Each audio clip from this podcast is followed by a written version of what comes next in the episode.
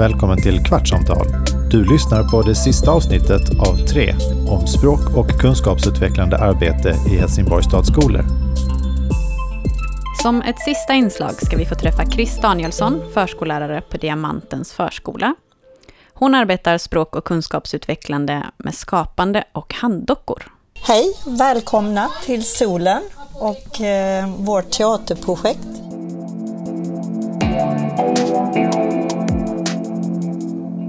Vi är glada för att vi fick pengar från Statens kulturråd som sen samordnades av Helsingborgs kommun.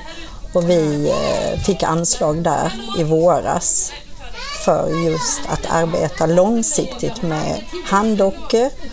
Och eh, vår idé är då att barnen ska hitta relationer och lära sig att kommunicera och stärka sin självkänsla.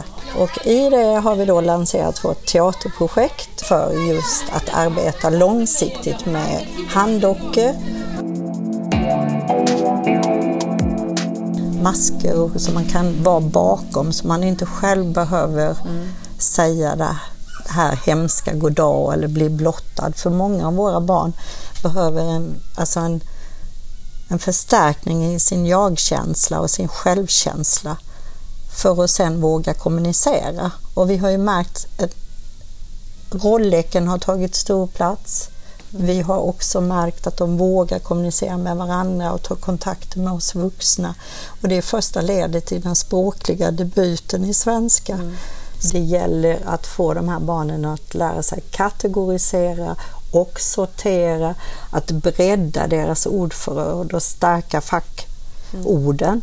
Och då har detta varit en bit med ridåer, bakom, framför. Och det, Oj, den har napp till Den har fått en napp.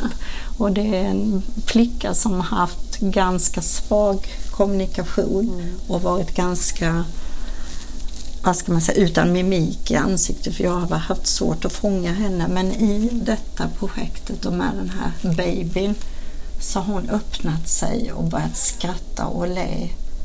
Och det är så häftigt ja. att se att hon, hon får en identitet här. Och hon säger då bebis, bebis, ledsen, sova. Och hon är då fem år men har inte det mm. språket. Men hon har ändå öppnat upp där. Jag tänker att det är hela verksamhetsdagen på förskolan. Jag tänker att det inkluderar matsituationerna och jag kan visa mm. dig lite att vi håller på att byta ut mm. våra rektangulära bord till runda bord. Mm. Eh, och här har vi då kapat benet på ett runt bord mm. och då blir det enklare för barnen att skicka till varandra för vi äter här också. Mm. Och då behöver vi vuxna bara puffa dem vidare och så måste de själva, här kommer mjölken, jag mm. kan gå och hämta vatten i bringan. Så vi försöker så tidigt som möjligt få in dem. Och vi ska sätta upp orden tätt och brett, för mm. det har vi tränat på. Okay. Vi står tätt ihop och det kan nästan alla. Ja. Men eh, det är inte så att vi sätter upp vi försöker hitta en bredd, även grammatiskt mm. då, så att vi inte bara arbeta med substantiv för att vi märker att många barn i de här mångkulturella områdena är ganska bra på substantiv men vi missar verben och adverben mm. och pronomen och så. Vi försöker att, få in det dels i sångerna i melodin och sen i som brett och tätt mm. som jag sa här precis. Vi har ju mål för området som vi arbetar tydligt med. Och som vi försöker bryta ner och få transparens hela vägen ner. Mm. Nu är vi ju olika yrkeskategorier som jobbar inom förskolan idag så att det, mm. det är ju viktigt att man bryter och ändrar man kanske inte säger transcendalt utan att man vet att det är tvärvetenskap, alltså att man bryter ner det till vardagligt så att man kan kommunicera på alla planen. Mm. Och det, det är ju en process. Mm. Men jag upplever här både för, eh, tre stycken förstelärare, digitalista, här är ateljerista och här är eh, förskollärare och lärare som brinner för att vara här och göra den här förändringen. Det tror jag är jätteviktigt att man är engagerad och tycker det är roligt. Okay. Och de här barnen behöver möjligheter, de behöver ett gott språk. De behöver veta att man kan och att man syns, att man finns Mm. Och att man då kan gå vidare och tycka att skolan är rolig och lustfylld. Mm. Så det inte blir en, vad ska man säga, ett hinder, att man tröttnar för tidigt för att man egentligen inte hänger med, kanske inte har det språket. Mm. Det är inte alla som vet vad en publik är. Men om du får hämta stolar och göra upp och göra det till en del av en upplevelsedel som du kan gå in i så inkluderar du språket och befäster det på ett annat sätt för du får liksom vara i det. Du får vara och sälja biljetter, du får vara publik ibland, ibland får du uppträda. Mm. Och då blir det en gestaltning som du kan ta till dig på ett... Jag tror ibland alltså på, att du kan ta till det bättre. Mm. Vi är inne i en process där att bli sedd, att se varandra, att få lov att uttrycka sig utan värderande, att bli mottagen som den man är. Det är jätteviktiga delar i att våga och våga utmana sig själv vidare och lita på sin egen skapande förmåga. Och vi har frågat vad drömmer de om, om magi. Vi har gjort trollstavar. Mm. Eh, och så börjar de att berätta. Och det är fantastiskt att få lyssna på det för de lyser. Mm. För de förstår att vi verkligen vill lyssna på det mm. och ta den tiden. Det är väl kanske den tiden man inte har alltid men man ska vidare och göra det och det. Och därför har det varit en andningspaus mm. som barnen har landat i på ett fantastiskt sätt. Jag och handdockorna har också fått möta barnens föräldrar så att det är kul. Mm. En annan docka talar om hur hon bor. Det är vatten hemma hos mig, det är mycket vatten. Och få ge uttryck för det som man känner utan att bli värderad av andra. Mm. Det är ju vägen in till kommunikation och tro på sig själv.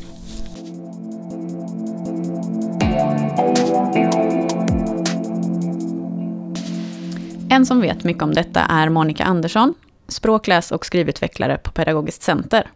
Hon arbetar med olika typer av stöd för lärares och förskollärares språkutvecklande arbete.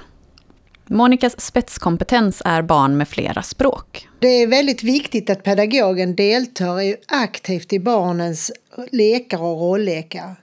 Man kan behöva stötta barnen i sin språkutveckling. Och det som föder språk, det är just språk. Dessutom är den största vikt att man utvidgar barnens ordförråd genom att man benämner allt hela tiden och att man gör det i för barnen meningsfulla sammanhang. Så många ord som du ger barnet, så många ord kommer barnet att lära sig. Det vill säga att man använder ordet i en massa olika sammanhang. För att underlätta barnens inlärning av nya ord så ska man tänka på att hjärnan behöver både repetition och kontrast för att lära sig att känna igen mönster som återkommer i vårt språk. Och enligt Pauline Gibbons tankar så ska man gå från helheten till delarna, från det kända till det okända och från innehåll till form.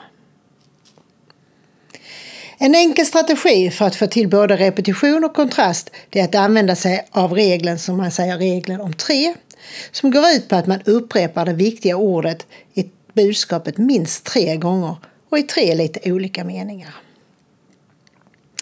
Människans tal det är det mest komplexa samspel av muskler som människokroppen uppvisar.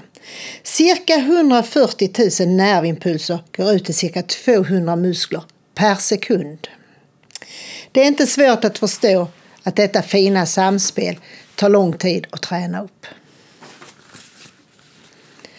Om man betraktar små barn så ser man att de kommunicerar med hela sin kropp.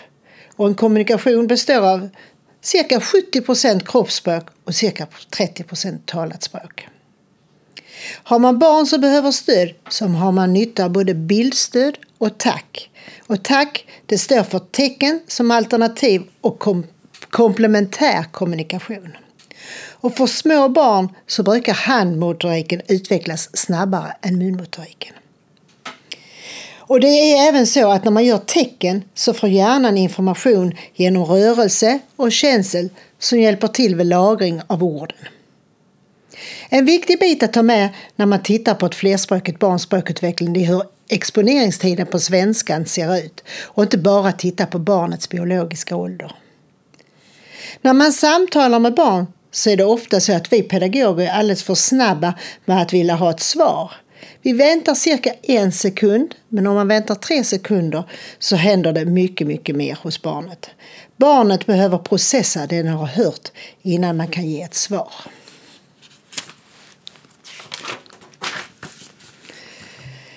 En bit som förskolor generellt kan bli bättre på det är att vi ska ta in föräldrarna i vårt språkarbete.